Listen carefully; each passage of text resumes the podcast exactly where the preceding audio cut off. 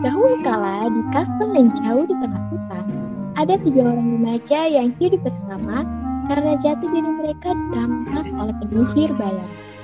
Anak lelaki yang terjebak di dalam kotak berkata, Kita harus menemukan kembali jati diri kita agar tak bertengkar dan hidup bahagia. Mereka menaiki mobil kemah untuk mencari jati diri mereka.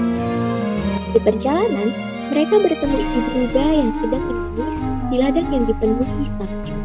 Anak lelaki yang sedang memakai topeng menanyakan ibu rubah.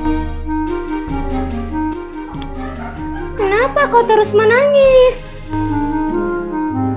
Ibu rubah menjawab, Aku kehilangan Nana di ladang salju ini. Saat menggendongnya di punggungku, aku selalu sibuk mencari makan. Melihat ibu rubah yang terus menangis sambil memukul-mukul dadanya, anak lelaki pun mulai mengeluarkan air mata yang hangat. Setelah beberapa lama, setelah salju meleleh, mereka berhasil menemukan anak rubah yang membeku tertimpa salju. Mereka bertiga melanjutkan perjalanan dan bertemu dengan badut yang menari tanpa busana di ladang bunga berduri. Tong kosong bertanya pada badut itu. Kenapa kau menari dengan segenap hati di ladang yang penuh duri? Badut menjawab, Dengan begini, orang-orang akan memperhatikanku. namun orang-orang tetap tak memperhatikannya. Itu hanya membuatnya kesakitan. Lalu, Tong Kosong memasuki ladang bunga berduri dan mulai menari bersama sang badut. Karena aku adalah tong kosong, tertusuk duri tak membuatku terluka. Sesaat setelah Tong Kosong mulai berlari dan menari, terdengar suara yang sangat nyaring dari dalam tubuh. Orang-orang mulai berkumpul setelah mendengar suara itu, lalu menonton mereka menari sambil bertepuk tangan. Mereka bertiga melanjutkan perjalanan untuk mencari jati diri yang hilang. Di perjalanan, penyihir bayangan yang jahat muncul di hadapan mereka.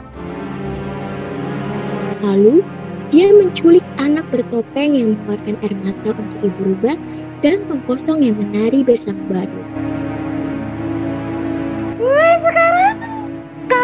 Tidak dapat hidup bahagia. Ah! Setelah dikutuk, mereka dikurung dalam dua handuk. Anak kotak menemukan mereka usai beberapa hari. Namun, dia tak bisa masuk gua karena pintu masuknya terlalu sempit. Bagaimana ini? Jika ingin masuk ke dalam gua, aku harus melepaskan kotak ini. Pada saat itu, dari gua terdengar suara anak bertopeng. Pergilah yang jauh. Jangan mencemaskan kami. Penyihir bayangan akan kembali. Namun, anak kotak dengan berani melepaskan kotak yang dia gunakan dan bergegas memasuki gua yang gelap itu untuk menyelamatkan anak bertopeng dan kosong. Setelah keluar dari gua, anak bertopeng dan tong kosong melihat wajah anak kotak yang dipenuhi oleh lumpur dan tertawa terbahak-bahak. Mereka terus tertawa.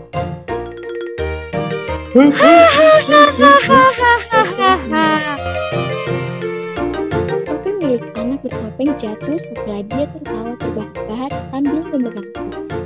Tong kosong yang membebani putri itu juga ikut tertawa. Melihat mereka berdua menemukan jati diri mereka, anak laki-laki yang berhasil melepaskan kotaknya berkata, Bahagia, aku bahagia. apa yang dirampas oleh penyihir bayangan bukanlah jati diri mereka yang sesungguhnya, tetapi keberanian untuk mencari kebahagiaan.